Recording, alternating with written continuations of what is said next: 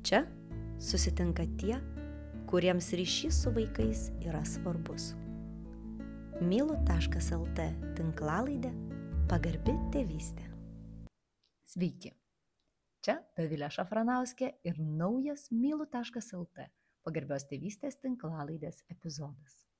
Šiandieną kalbame apie tai, kaip mokosi šio laikiniai vaikai, kas jiems yra svarbu, koks šiandieną yra mokytojo vaidmuo ir kas būtina žinoti mums, tėvams, galvojantiems apie savo vaikų lavinimą. Pokalbio metu mano pašnekovė nuostabiai išsireiškė ir pasakė apie lavinimo priemonės. Jas yra skirtas ne vaikams, jas yra skirtas tam, kad padėtų mums užmėgsti ryšį su savo vaikais. Todėl kas kart, kai renkamės lavinimo priemonės, pagalvokime apie tai, jog jos būtų smagios ne tik mūsų vaikams, bet ir mums patiems. Nes tada, kai sukursime ryšį su vaikais, mokymasis vyks beveik savaime. Um, savo dukroms lavinimo priemonės dažnai renkuosi iš Yes for Skills uh, internetinės parduotuvės, nes joje yra daugybė skirtingam amžiui pritaikytų labai smagių priemonių. Jos įkvėptos Montessori metodikos ir čia rasite įvairiausių ir lavinamųjų kortelių, ir daugkartinių, pabrėžiu žodį daugkartinių, lipdukų knygelių, magnetinių lentų ir visokio kitokio gėrio, kuris suteiks daug pozityvių emocijų visai šeimai. Man labai svarbu tai, kad dauguma Yes for Skills priemonių yra daugkartinio naudojimo. Nes mes tiek daug visko perkame vaikams, jog, na, tikrai kartais gaila tuoj pat sunaudotą priemonę imti ir išmesti. Todėl tikrai verta apsvarstyti, kiek tvarios yra priemonės, kurias mes perkame. Yes for Skills nuorodą rasite tinklalaidės aprašymę, na o dabar mes keliaukime į pokalbį apie vaikus ir jų lavinimą su edukologė, socialinių mokslų daktarė, Vilniaus privačios gimnazijos vykdančiaja direktorė Agne Liubertaitė Amšėja. Labą dieną, Agne. Labą dieną, labą dieną. Labai ačiū, kad sutiko šiandieną pasikalbėti su mumis apie tai, kaipgi tie mūsų vaikai mokosi ir kas yra svarbu ir koks mūsų kaip tėvų vaidmuo. Bet prieš tai, kai keliausime į šitą pačią temą, man labai smalsu sužinoti apie jūs. Švietimo sritis. Kaip jūs joje atsidūrėte? Kas jums joje įdomiausia? Trupučiu ką pasidalinkit. Mhm. Tai laba diena dar kartelį, tikrai dėkoju už kvietimą ir gera, gera kalbėtis neformaliai apie, apie vaikus, apie tėvus, galų galia apie mus pačius. Kaip mes esame kaip tėvai šioje tikrai rolėje, sudėtingoje rolėje, kurioje niekas neduoda instrukcijų, kaip turėtumėm būti geriausiais. Švietime aktyviai dirbu jau daugiau negu 16 metų tęsiu savo mamos, filantropės, didžiausias idėjininkės Tatjanos Liubertinės pratestą veiklą, pradėtą veiklą. Mano mama yra pati pati pirmoji nepriklausomoje Lietuvoje atidariusi privačią mokyklą, tai yra taip nevalstybinė mokykla, su didžiulė idėja savo vaikui, tai yra man, tuo metu buvau mažytė, tuo metu savo vaikui duoti kitokį švietimą, negu buvo tuometinėje Lietuvoje, duoti tą tikrai mm, raktą, pro, pro rakto skilutę, tą tokį pažvelgimą į, į, o kas galėtų būti, jeigu būtų.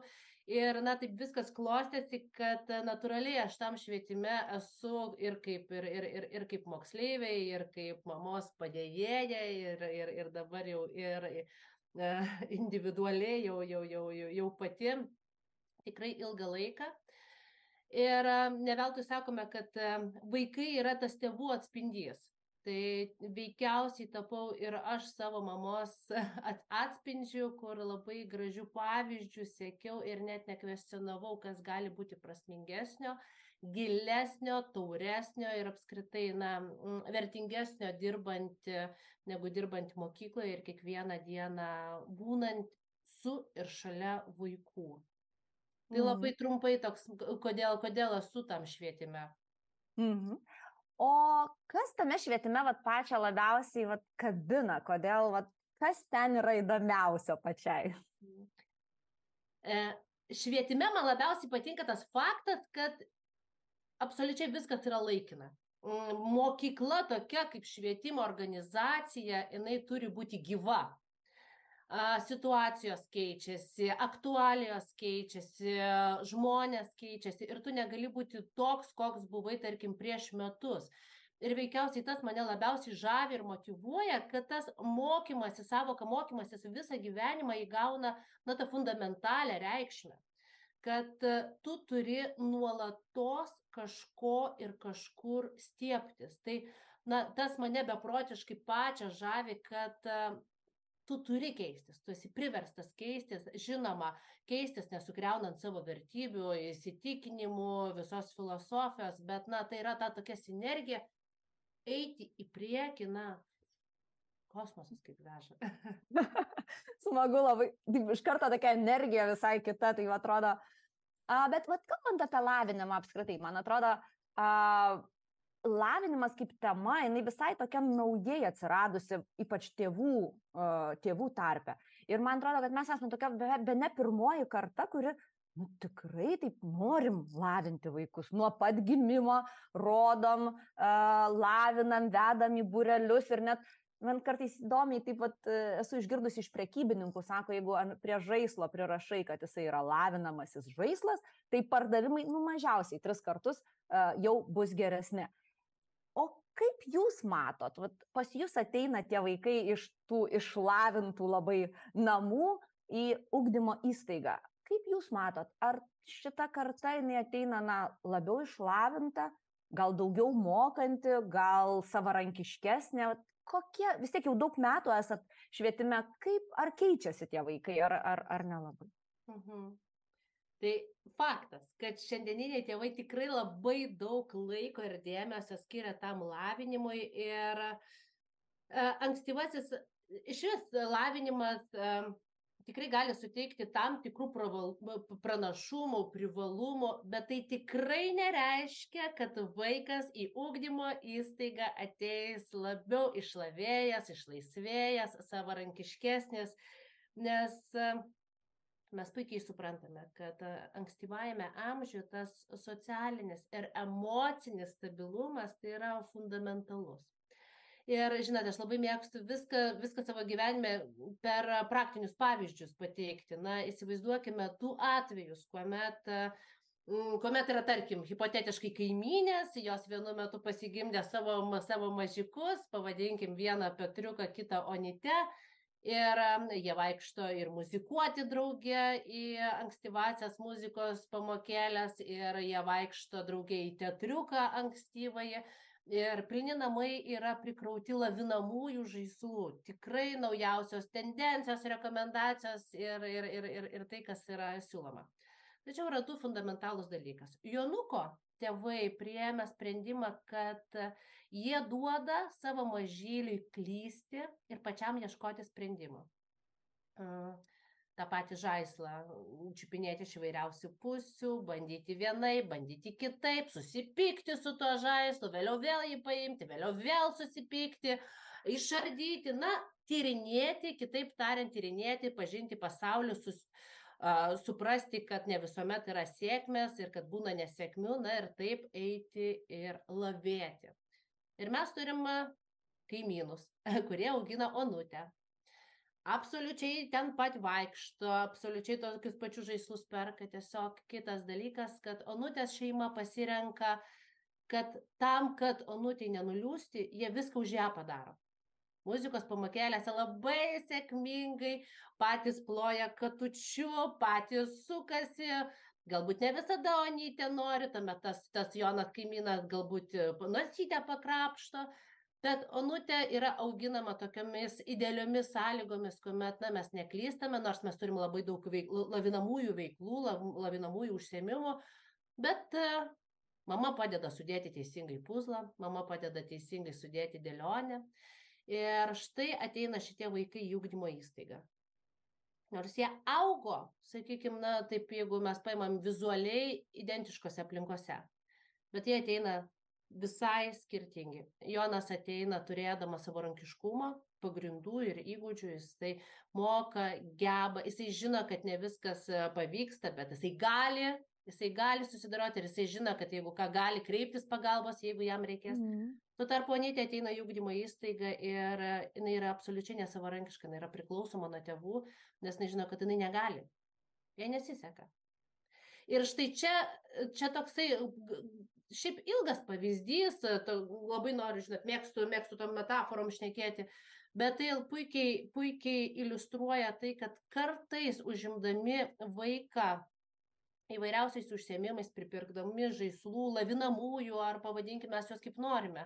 Bet mes kartais pa, patys bėgam nuo savęs ir nuo to buvimo su vaiku išgyvenimo tam tikrų etapų, momentų, kurie, na, ne visuomet yra malonus, patogus, šaunus, kaip sakau, instagraminiai. E, ir, ir taip, mes, sakyčiau, šiuo laikinė karta tėvų, nors jie yra beprotiškai išprūsę, e, išlavėję patys, matantis, keliaujantis po pasaulį, matantis nuostabiausius pavyzdžius, e, kartais pritrūksta drąsos būti su vaiku, tiesiog būti su juo. Mhm.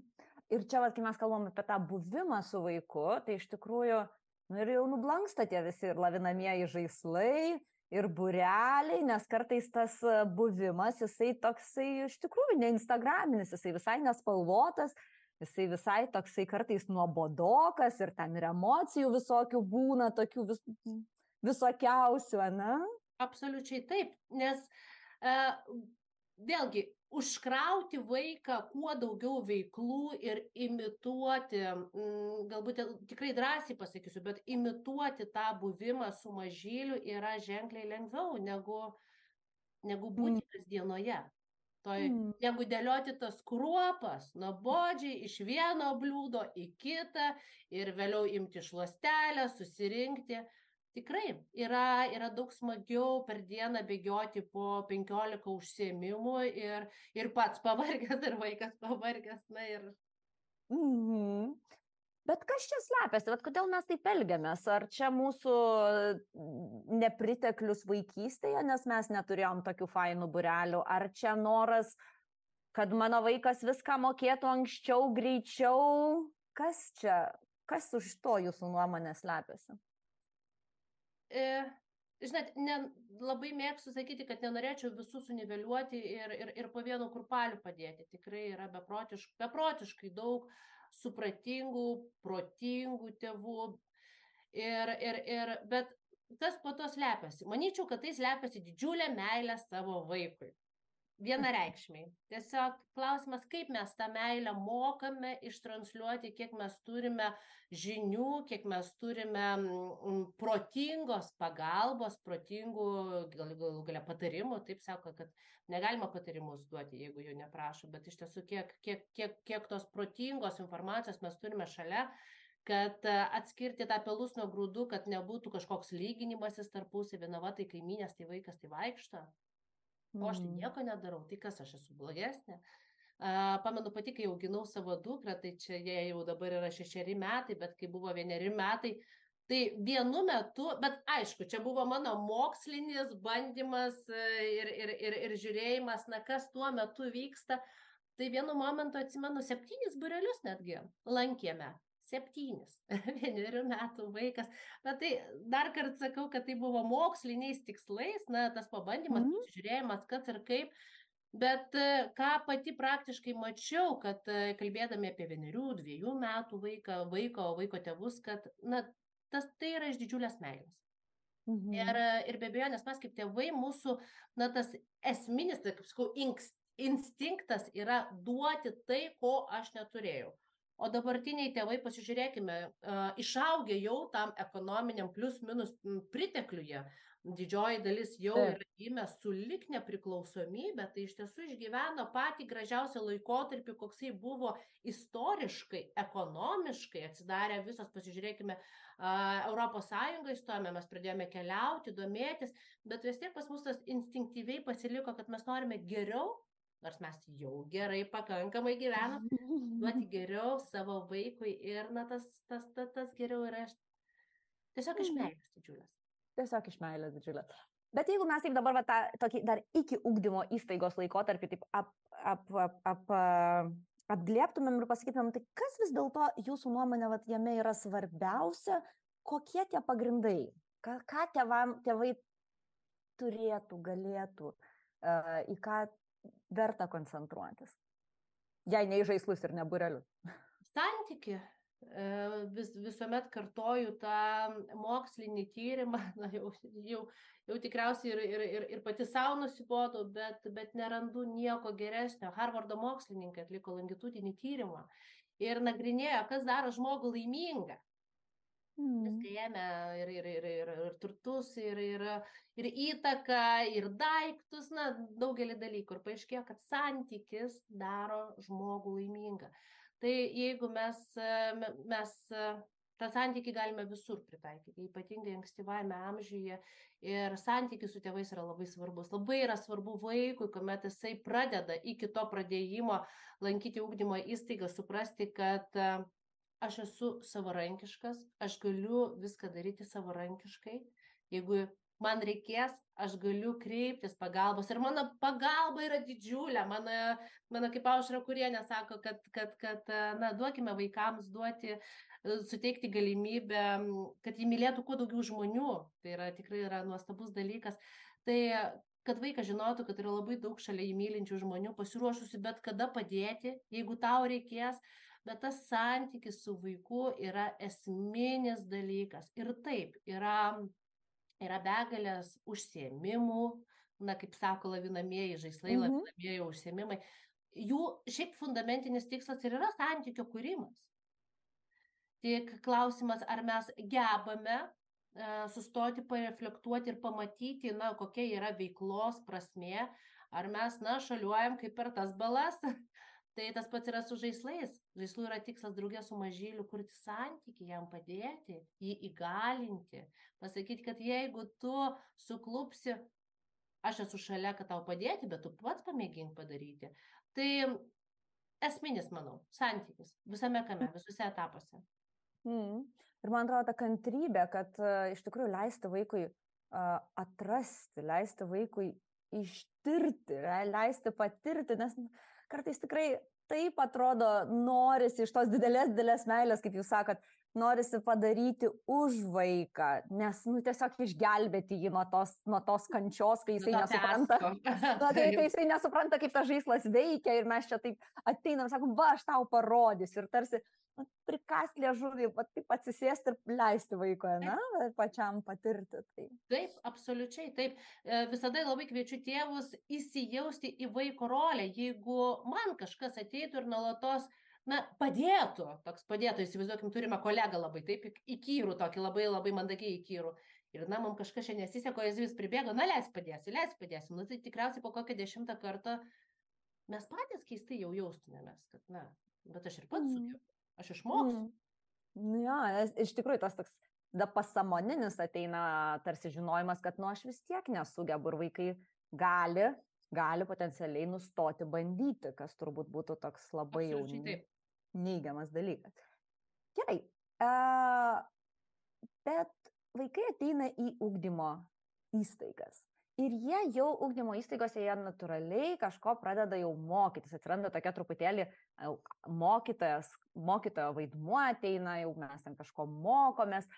Ir kaip tie šio laikiniai vaikai apskritai mokosi? Nes man atrodo, santykis ir požiūris į mokytoją yra šiek tiek kitoks, negu kad buvo bent jau mano kartoj, kur mes mokytojų absoliučiai bijojom. Ta prasme, tai buvo baime pagristas labai santykis, bent jau toj ugdymo įstaigoje, kurioje aš buvau. o tai kaip tie šio laikiniai vaikai, kaip jie ateina, kokie jie ateina ir ko jie ieško mokymėsi? Jie ateina iš tiesų kitokie, nes ir mes kaip tėvai esame kitokie negu tie tėvai, kurie mm. buvo mums. Tai vat mes ir, mes ir einam į tai, kad mes norime savo vaikams visko ko geriausia ir, ir, ir visko, kas yra šauniausia.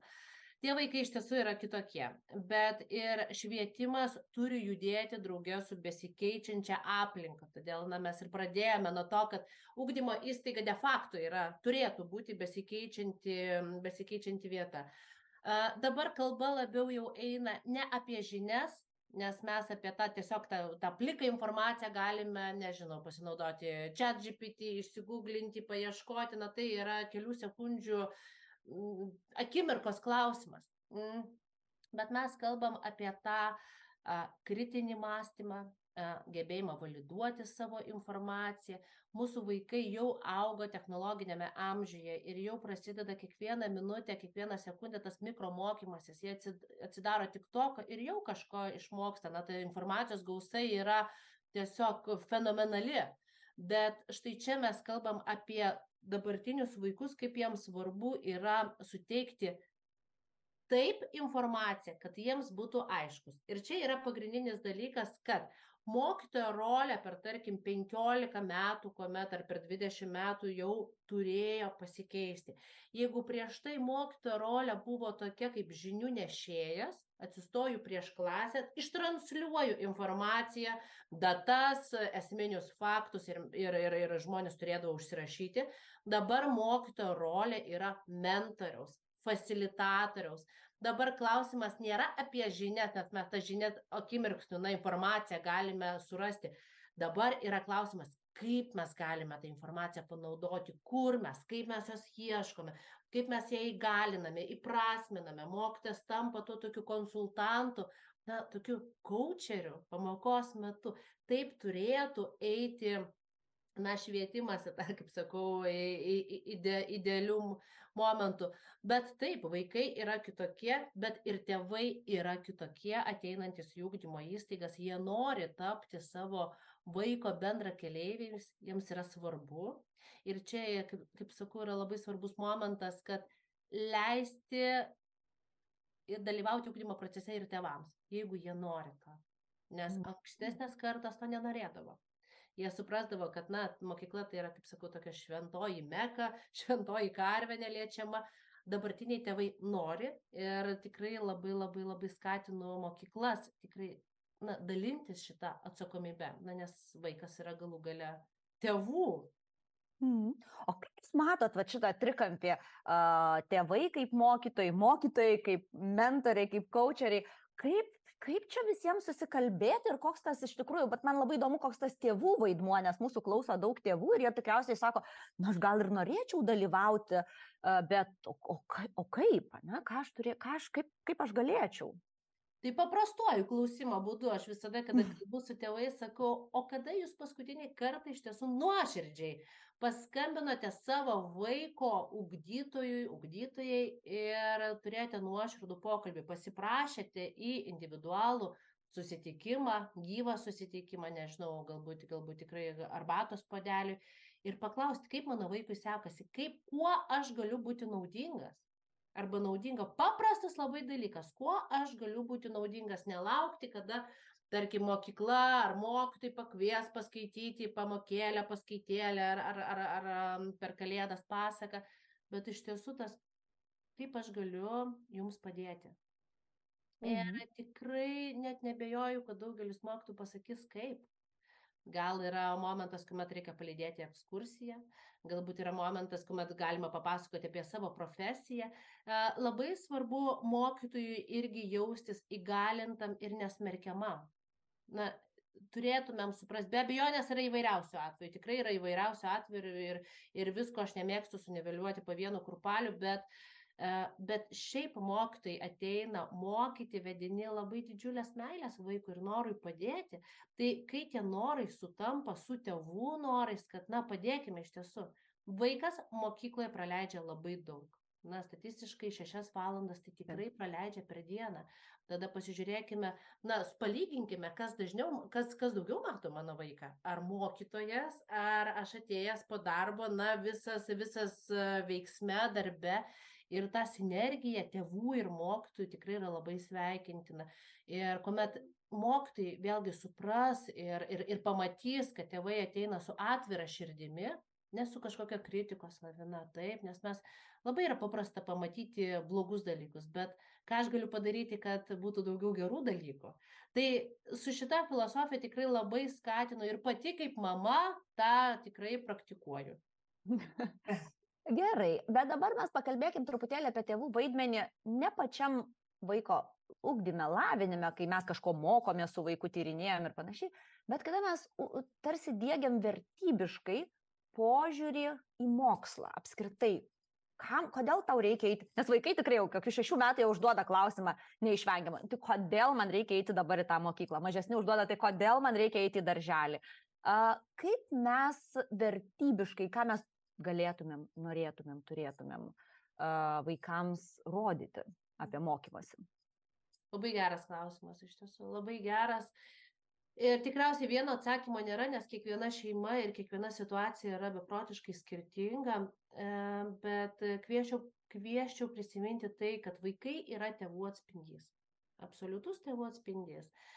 Ir galbūt vėlgi norėčiau vizualizuoti, vizu, mhm. vizualizuoti atsakymą, kad COVID metu mes puikiai pamatėme, kaip yra svarbus, koks yra svarbus mokymasis visą gyvenimą. Tai buvo puikus pavyzdys, kad žmonės, kurie sugebėjo priimti faktą, kad aš kažko nežinau, nemoku, tačiau aš tikrai išmoksiu, man tai yra ne problema, ar, ar, ar tas dalykas, kurį aš dariau daugelį metų, veikia vienai, bet dabar turiu transformuoti savo veiklą į kitokią, turiu pasimokyti, turiu paieškoti galimybių. Tai, tai buvo puikus pavyzdys, kaip tie, kas nenorėjo mokytis ir išeiti į, kaip sakau, antrą lygį, kaip jie mm. užsidarė. Daugelis jų iš tiesų, netgi, netgi tyrimai rodo, kad daugelis iš jų paliko savo darbovietės susidūrę su psichologiniam lygom, su psichologiniam problemom, o tie, kurie tikrai priėmė, priėmė pokyčius kaip savaime suprantamus dalykus ir mokėsi draugė su visa visuomenė, perėjo į antrą, į trečią lygį, tikrai pasiekė neregėtų aukštumų ar bent jau na tos vidinės sėkmės, kad aš sugebėjau tą barjerą pereiti. E, tai ta mano, mano, mano preistorija yra tam, kad mes turime vaikams parodyti, kad mes ir patys mokomės visą gyvenimą. Ir tai nėra tam, kad e, mes e, vaikų net ne tiesiog turėtume pasakyti, na, Jonukai, tam, kad tu susirastum darbą. Ne, bet tam, kad tu turėtum nuolatinį įgūdį domėtis, žinoti, nes situacijos keičiasi, aplinka keičiasi, na, galų galę mes nežinome, kas atsitiks rytoj. Vėlgi mes galime su vaikais kalbėti ir, na, žiūrint pagal amžiaus tarpsnius apie karą, tai pasižiūrėkime, kiek iš Ukrainos yra atvykusių žmonių, kurie turėjo iš naujo kažką išmokti. Tai mes kalbam su vaikais apie tą kompetenciją mokymosi visą gyvenimą kad mes einam į mokyklą tam, kad mes mokytumės kiekvieną dieną ir mes turėtumėm tą įgūdį. Ir kai tu užauksi, tu irgi mokysies galbūt kaip tapti, kaip būti tėčiu, kaip būti mama. Taip, tai irgi yra mokymasis. Tai visada aš skatinu tėvus su vaikais, žinot, ne, neužsimti tuo moralizavimo principu, kad tau reikia, bet na, tiesiog rodyti savų pavyzdžių. Aš domiuosi, aš skaitau knygas, Tai ir irgi yra mano, mano būdas, kaip aš mokausi ir kalbėtis. Mm. Man atrodo, kad šitą dalyką mes iš tikrųjų pamirštam vaikams papasakoti. Mes grįžtam iš darbo ir e, aš kartais irgi tėvų klausiu, sakau, jūs pasakojat vaikams, ką jūs veikiat visą dieną. Ne, tai jiems neįdomu. Bet jiems įdomu, jeigu mes grįšim ir papasakosim, aš šiandieną buvau tokiam seminare ir ten sužinojau iš tokių dalykų, tai irgi yra įrodymas vaikams, kad mes irgi mokomės, kad tai neužsi, ne, nepasibaigia mokykla, tas mokymasis ir kad mums įdomu iš tikrųjų ir kad mes išmokstam ir kad mums, nežinau, akis dega, pasakojant apie tai, ko mes išmokome. Ne? Tai tas... Taip, absoliučiai teisingai ir, ir dar labai yra svarbu vaikams papasakoti apie tai, bet kad aš prieš tai ne, nežinojau. Nes Taip. dažnai mes norime prieš vaikus, apskritai suaugusieji, būti tie idealūs, tobuli. Nu, nėra tokių žmonių, pamirškim, nėra. Mes daug ko nemokame.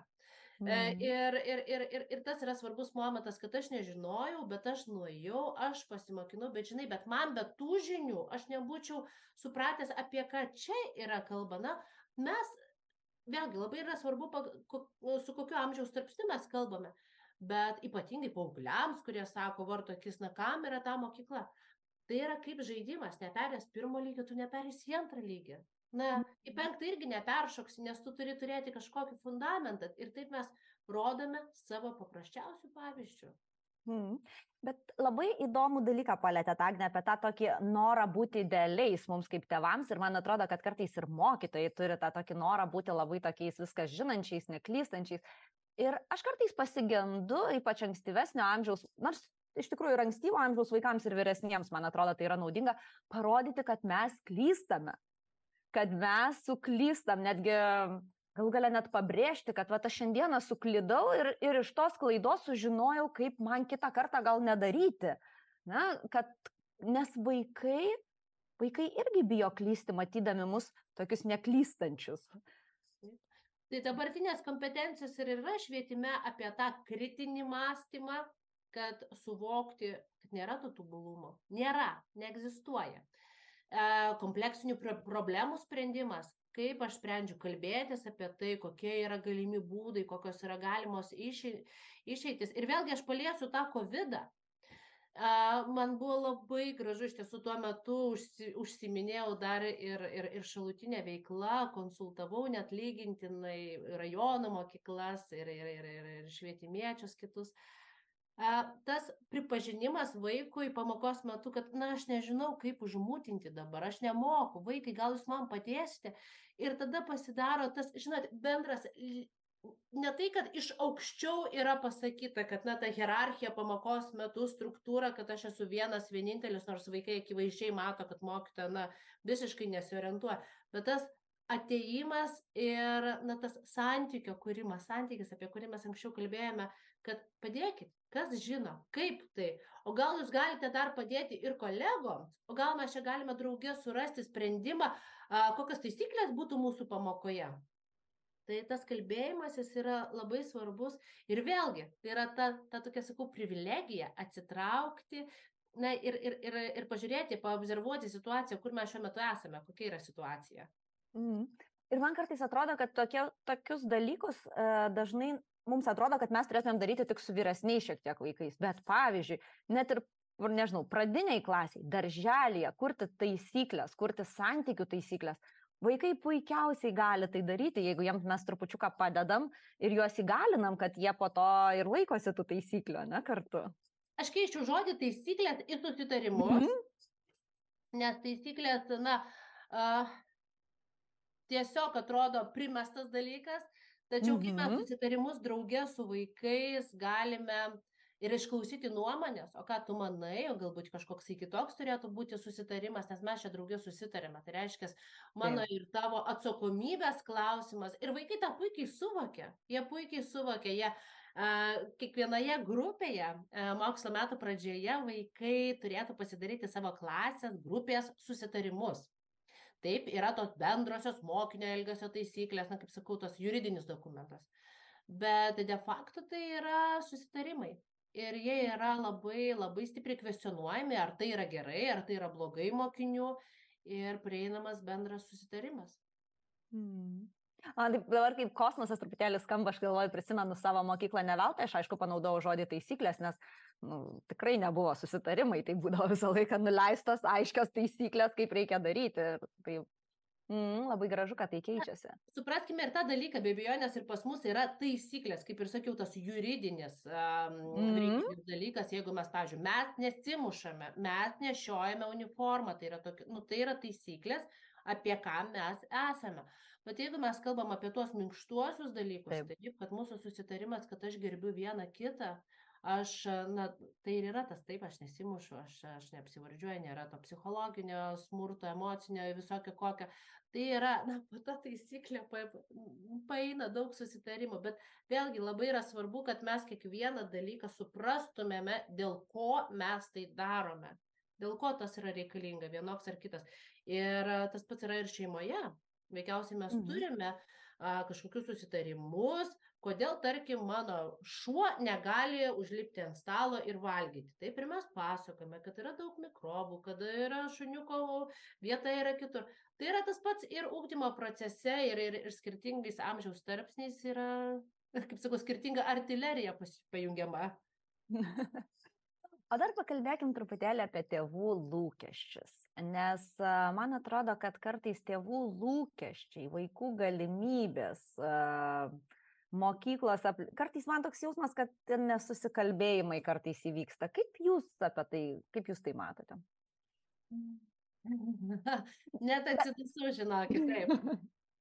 net atsidusęs. Ir aš dar labai noriu tą tokį, ne, ne tik tėvų lūkestį mokyklai, bet labiau ir tėvų lūkestį vaikui ir kaip jie lūkesčiai išsakomi ir ką jūs irgi iš vaikų turbūt girdit galbūt.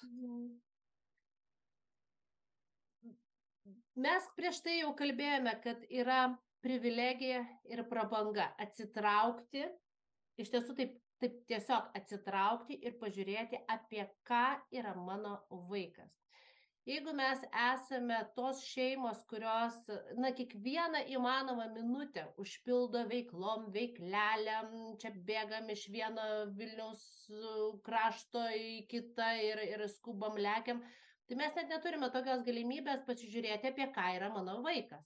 Koks jis yra ir tada susiformuluojam lūkesčius na aš buvau toksai turėtų būti ir jis toksai taigi taigi genetika yra ta pati beveik taip pusė mano, pusė vyro.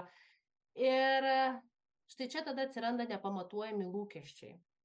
Mm, kad dėl, sakyčiau, negebėjimo atsitraukti, va tos va atsitraukti ir pasižiūrėti, koks iš tiesų yra mano vaikas.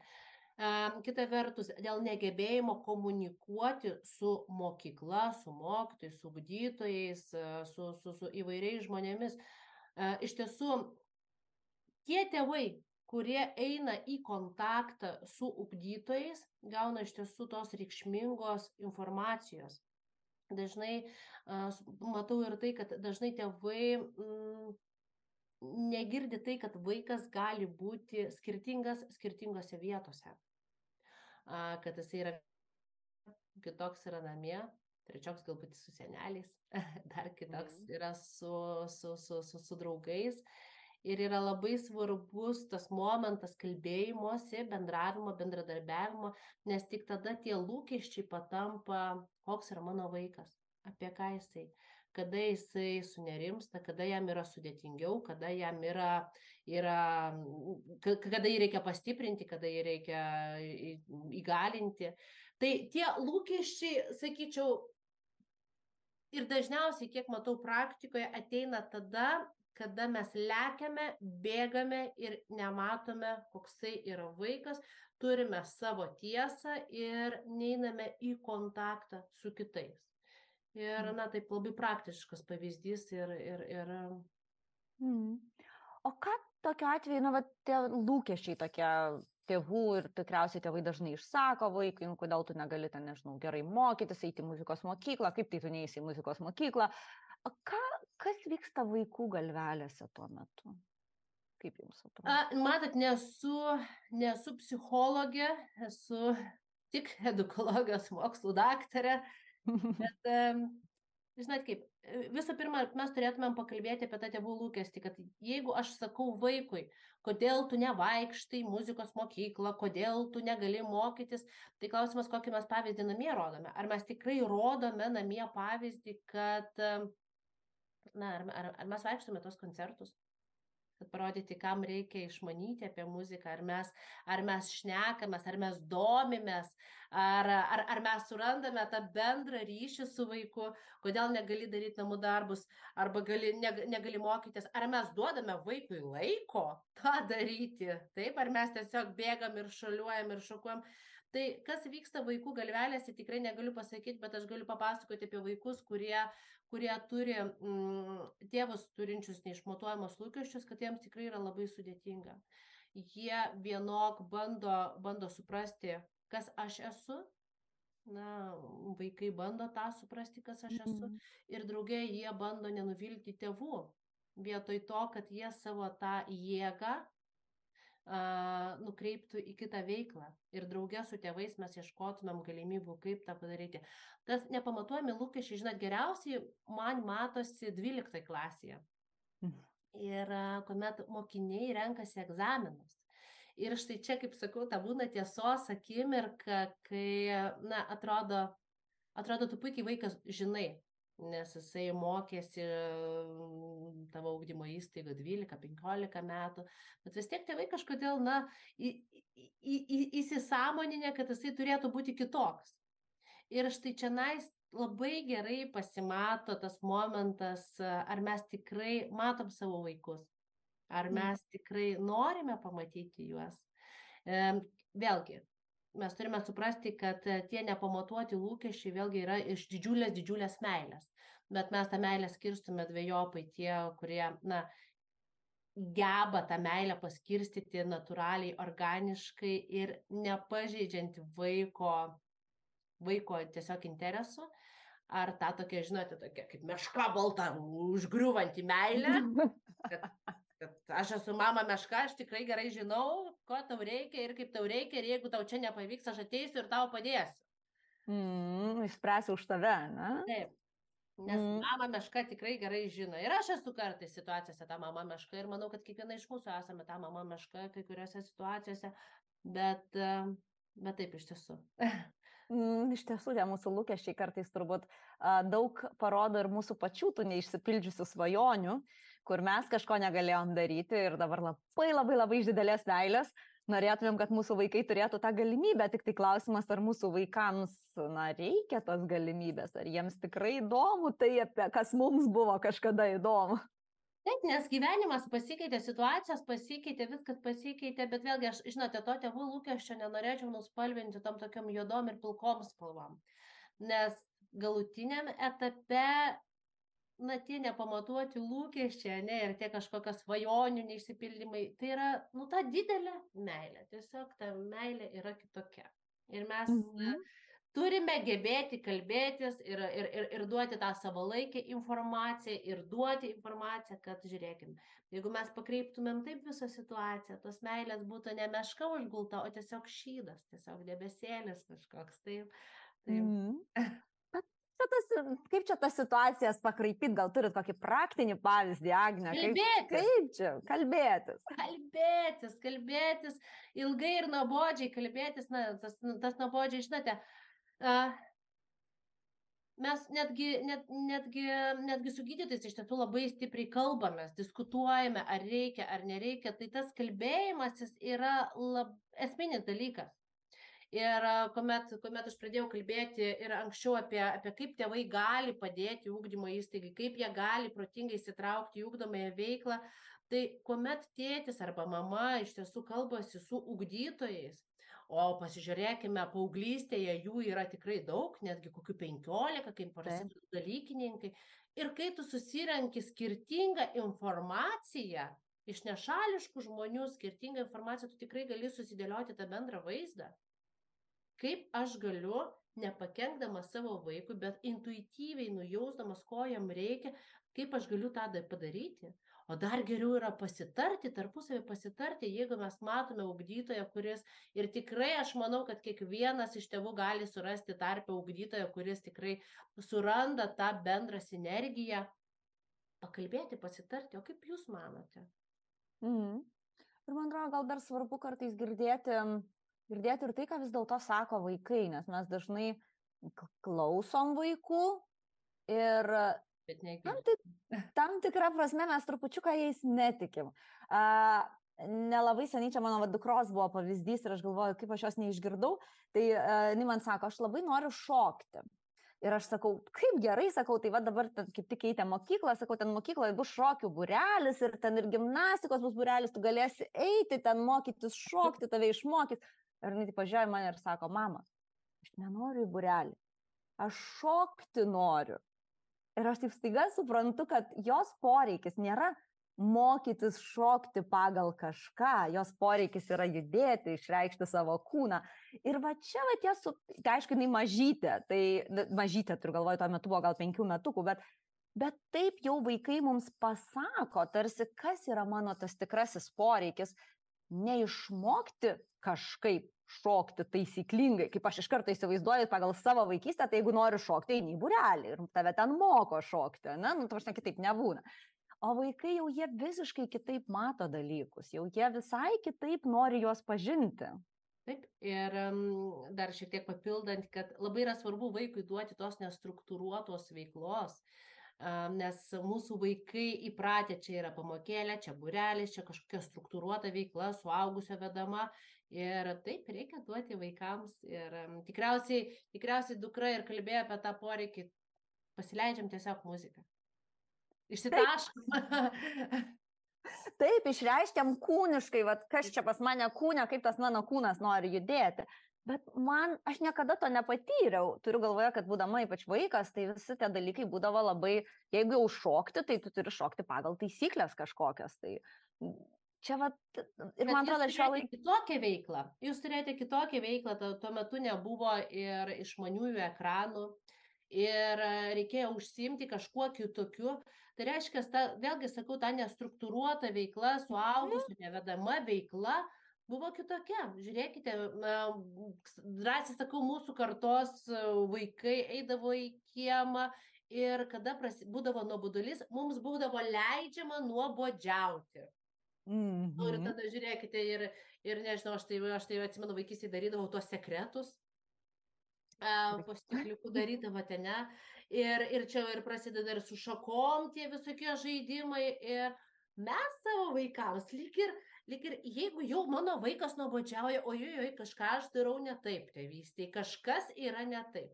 Tai tas nuobodžiavimas ir priveda prie nuostabių dalykų, ką vaikas išreiškia norėtų veikti galbūt tiesiog pasitaškyti, pašokti, galbūt e, sugalvoti naują žaidimą. Tai va aš einu prie to, kad labai yra svarbu vaikui turėti tos a, laisvo laiko savo mhm. saviraiškai. Mm. Ir tiesiog, žinot, kartais, kartais mes kalbame su tėvais, tiesiog dienotvarkė, jeigu jau mėgstate viską struktūruoti, duokite. Laisvas laikas, darau, ką noriu. Nuobodžiauju, nu, nuobodžiauju, tai nuobodžiauju, susiras ką veikti. Mm. Ir man atrodo, kada suaugęs neve, neveda šitos veiklos, tai vaika, vaikai tada nebeprisiriša prie rezultato, nes jų niekas visiškai nevertina, jie juk daro tai, ką jie nori. Tai tas, tas irgi yra labai svarbu, bet jūs paminėjote ekranus. Ir kaip pakalbėti apie mokymasi šio laikinės kartos, jeigu nepakalbėti apie ekranus. Nu, prasme, taigi mes čia turim didžiausią tokį ir didelį ir, ir naudą, ir tuo pačiu didelį baubą, tokį tėvai vis blaškosi, blaškosi tarp to, ar tai yra gerai, ar tai yra blogai. Kaip jūs, kaip, mm. kaip edukologė, matote apskritai ekranus Visų mokymosi procese? Mes mhm. negalime sukišti džino atgal į butelį. Ir negalime ignoruoti tą dalyką, žinot, yra dramblys patalpoje ir mes vaidiname, kad jo nėra. Ir na, mhm. mes elgiamės įprastai. Uh, Um, Marija Montesori juk yra pasakusi, kad mes turime paruošti vaiką gyvenimui. Ir jeigu mes puikiai suprantame, ir jeigu mes suvokiame, kad mūsų vaikų gyvenimas ateitis yra technologijos, galų galia mūsų ateitis yra technologijos, tai žinot, kažkaip atiminėti, neleisti, aš manau, kad yra, na tai yra mano asmeninė nuomonė, tikrai paremta ir moksliniais tyrimais, ir, ir, ir tuo tokiu observavimu vaikų. Mes neturime teisės atiminėti inovacijų ir technologijų iš vaikų. Bet štai čia prasideda bet. Mhm. Mūsų kaip tėvų yra vaiko, kaip sakau, yra vaiko tas vystimosi piramidė. Ir pirmam etape tai yra ten visokios uoslė, lytėjimas, todėl vaikučiai ima viską į burną, šliaužėja, čiupinėja, tada mes einame į tą visą kūno schemą, koordinaciją, tada mes dar einame į, į, į kalbos suvokimą, riešo akies pajutimą, na tai yra visa, visa piramidė. Ir štai čia mūsų kaip tėvų pareiga, kad tikrai vaiko kūnas, vaiko organizmas būtų maksimaliai a, išjudintas, išlavintas.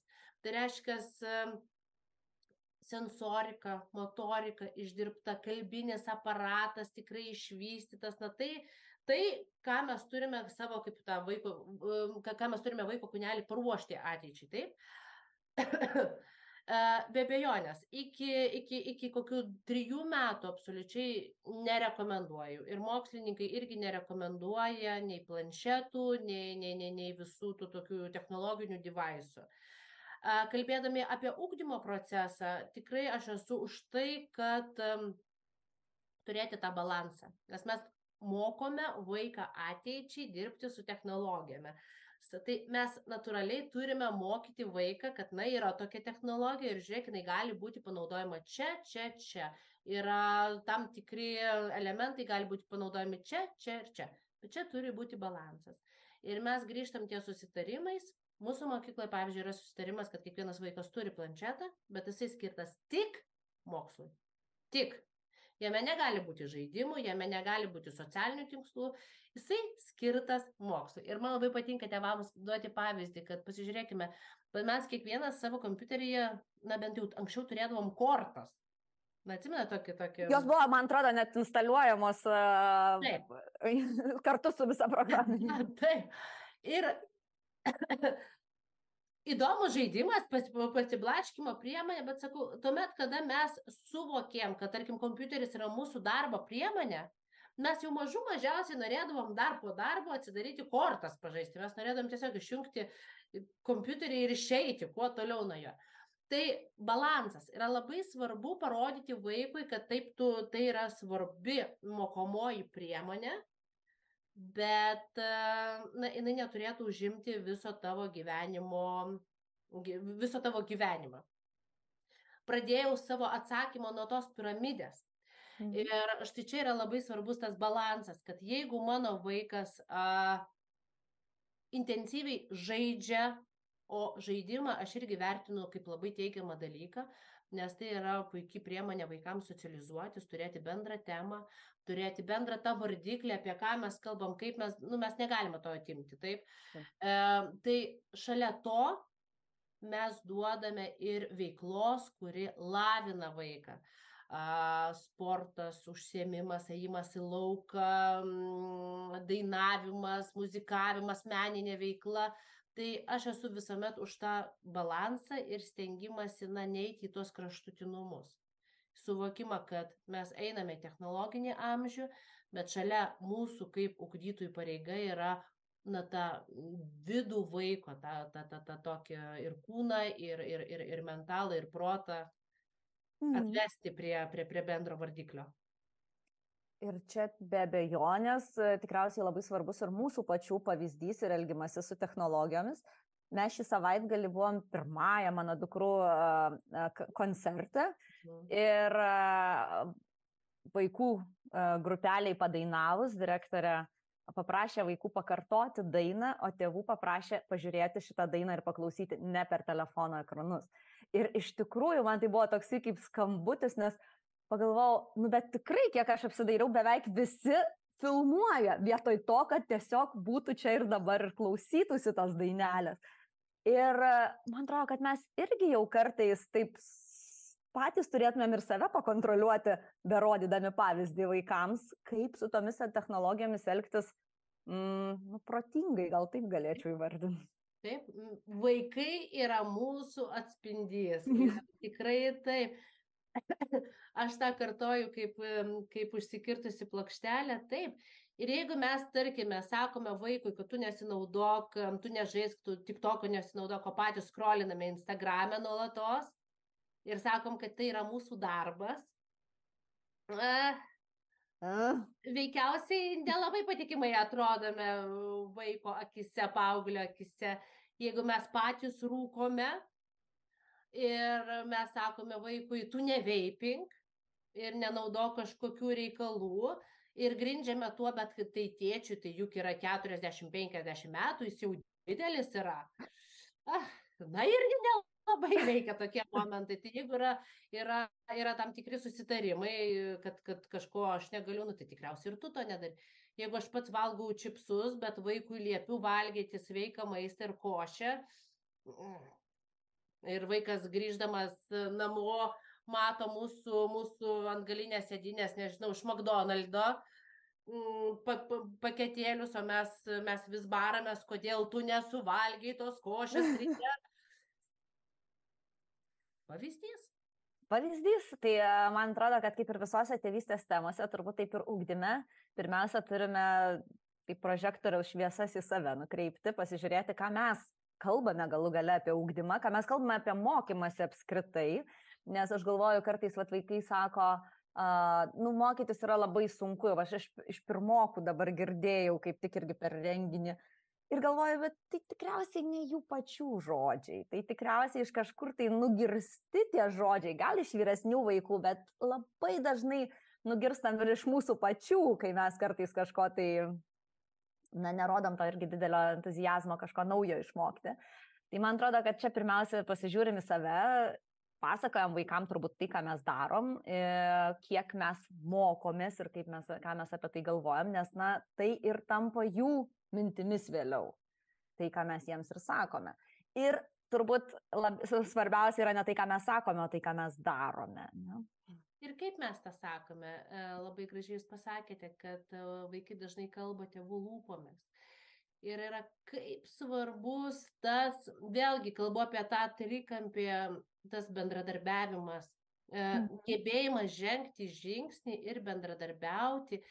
Ir, ir, ir Ir kas dar yra labai svarbu, kad vaikui, na, nešnekėti negražiai apie savo ugdytojus, apie mokytojus, nes vaikas girdi.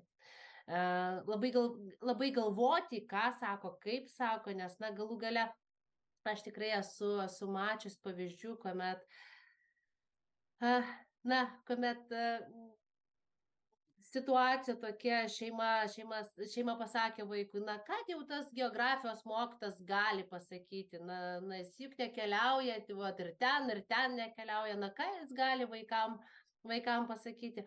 O vaikas kaifuoja tose pamokose ir įsivaizduojate, kaip jam yra sudėtinga pasakyti, bet tėti, bet man labai patinka tose pamokose, nes jisai lik ir norėtų duoti tą afirmaciją tėčiui, kad tu esi teisus, aš tave palaikau nuomonę ir tada na žinot vaikai bando ieškoti na prie ko čia prikibti nu gal tikrai jis nėra tas geras mokytojas. Tai vietoj to to tokio paieškoti kaip pastiprinti mokytojo autoritetą nes mums ir ypatingai vat e, mano labai mylimas psichoterapeutas e, profesorius gabor mate kalba apie apie autoritetus kaip yra svarbu vaikui turėti autoritetus ir pastiprinti tuos mokytojus kad jie taptų tais autoritetais nes jeigu bus situacija ir jeigu vaikas jeigu neateina pas mus kad galėtų pas tą mokytoją kreiptis pagalbos prašymo ir čia yra labai svarbus dalykas čia yra labai svarbus supratimas kad e, mes turime nenumenkinti mokytojų dirbančių su vaikais o atvirkščiai juos pakelt o gal tas tėtis kuris keliauja po visą pasaulį gali ateiti pas pas e, geografus ir pasakyti, klausykite, aš ką tik buvau Antarktidai, norite aš pamoką pravesiu, papasakosiu, pasidalinsiu, nuotraukas parodysiu. Tai iš tiesų ieškoti to tokio, nes vieną dieną mums gali prireikti tų mokytojų paauglystėje, kad e, vaikas ateitų pas juos ir kreiptųsi, jeigu jisai neras mm. pagalbos kažkur kitur. Mm. Tai vis dėlto, jau taip keliaujant prie mūsų pokalbio pabaigos, mes iš tikrųjų visi labai labai esame susiję, man atrodo, net čia jau mes net išeinam ir už mokyklos ribų, bet ir tėvai, ir, ir, ir, ir mokykla, ir vaikai mes tarsi iš geriausių paskatų, bet mes galime patenkinti vaikų ūkdymosi poreikius tik tada, jeigu mes nu, kažkaip bendrai dirbsime į vieną pusę, o ne bandysime vieni kitiems surasti, kur papriekaištauti. Absoliučiai neveltui sakoma, užauginti vaikui reikalingas visas kaimas. Taip, nes nuo mūsų elgesio priklauso labai daug. Mes galime būti autoritetas vaikui, patys to nežinodami. Ir galbūt ne savo vaikui, galbūt kaimyno vaikui. Mm. Tai yra labai svarbu. Ir tas bendravimas, vėlgi tas nekonkuravimas, e, tiek kiek aš myliu technologijos, aš, aš neapkenčiu socialinių tinklų, nes jie padaro tą tokį konkuravimą, kažkokį, kažkokį lyginimąsi tarpusavyje. Tikrai, tikrai to, to, to vidumi nemyliu, nemėgstu. Ir taip, mes turime eiti kreiptis pagalbos tada, kada mes kažko nežinome. Mes turime įvardinti, mes turime nebijoti pasakyti, kad, kad aš esu šalia, jeigu, jeigu tau manęs prireiks, bet na šiuo metu aš aš truputuką tolėliau esu su savo su savo veiklom mes turim kalbėtis kalbėtis ir kalbėtis nuolatos mm. Ir tikriausiai šiandienos tos švietimo sistemos aktualijų ir kartais tikrai švietimo sistema yra taip gerai pakritikuojama, bet, bet man atrodo, va čia jūs ir pasakėte tą atsakymą, nes mes negalime visko sutelkti tik į švietimo sistemą, mes esame, mes kaip tėvai irgi esame to vaiko švietimo ugdymo, sistema. švietimo sistema vaiko. Tai galbūt ko trūksta ten, mes gal, galim pakompensuoti namuose, o, o dar gražiau, kaip jūs ir pasakėte, jeigu mes dirbsime kartu, tai mes tikriausiai ir patenkinsim tuos vaikų poreikius ir ugdysim įgūdžius, kurių jiems prireiks užaugus. Tikrai taip, mes labai mėgstam viską kritikuoti, bet aš duodu pavyzdį, kad bet mes juk ateidami pas odontologą, kai nepasakojom, kurį jam dantį išrauti. Pasitikime. Tai tas pats yra ir čia nais, tikrai, tikrai to pasitikėjimo, aš atsimenu, sirgau plaučių uždegimu ir atėjau pas vieną gydytoją ir kažkaip jinai, žinokit, pradėjo verkti. Sako, niekas, net, niekas, sako, manim nepasitikė. Bet aš mokinausi, aš stažavausi. Ir jinai taip nuoširdžiai moteris sukvestionavo, su, su, su, ar tai, ką jinai daro, ar apskritai tai jau reikalinga yra. Nes mes, na, bet vėlgi, tai atėjo iš socialinių tinklų, tas kažkoksai neužtikrintumas, tas kažkoks lyginimasis, kad, kad, kad ieškojimas. Uh, na, mes ieškome problemų ten, kur jų nėra. Ir viską bandome sudirbti. Tai kažkaip labai labai kviečiu to tokio pozityvumo visiems, kad ir prisiminti tą, kad ar aš atėjęs pas dantistą, jam pasakoju, kad, na žinot, gydytojau, jūs neteisus, negydykit man šitą danties, o išraukit šitą. nu tikriausiai taip nesielgiam. Tikriausiai. Bet Tikriausiai. mes sau leidžiam tą padaryti. Mm. Taigi, va. Ačiū labai, Agne, už šiandienos mintis. E, daug tikriausiai, ką yra tevams pagalvoti, galbūt e, pasidaryti tokią inventorizaciją ir savo nuostatų, ir savo dalyvavimo vaiko švietime. Ir e, galbūt ateiti su visai kitokiom mintim ir kitokiom iniciatyvom į tą švietimą. Nebepaliekant jo tik tai mokymo įstaigom, bet prisimant atsakomybę ir savo. Ne? Taip, taip. Gal kažko dar norėtumėt palinkėti, baigiant mūsų pokalbį tėvams, kurie mūsų klauso? Iš tiesų daug ką noriu palinkėti. Ir, ir linkėdama tėvams, žinokite, savo ir pačiai, kaip mamai noriu palinkėti, nes, nes visko, to tokio paprastumo. Mm visam butaforiniam pasaulyje mes turime suprasti, kad mes turime sugebėti pasakyti, kad mes esam tik žmonės.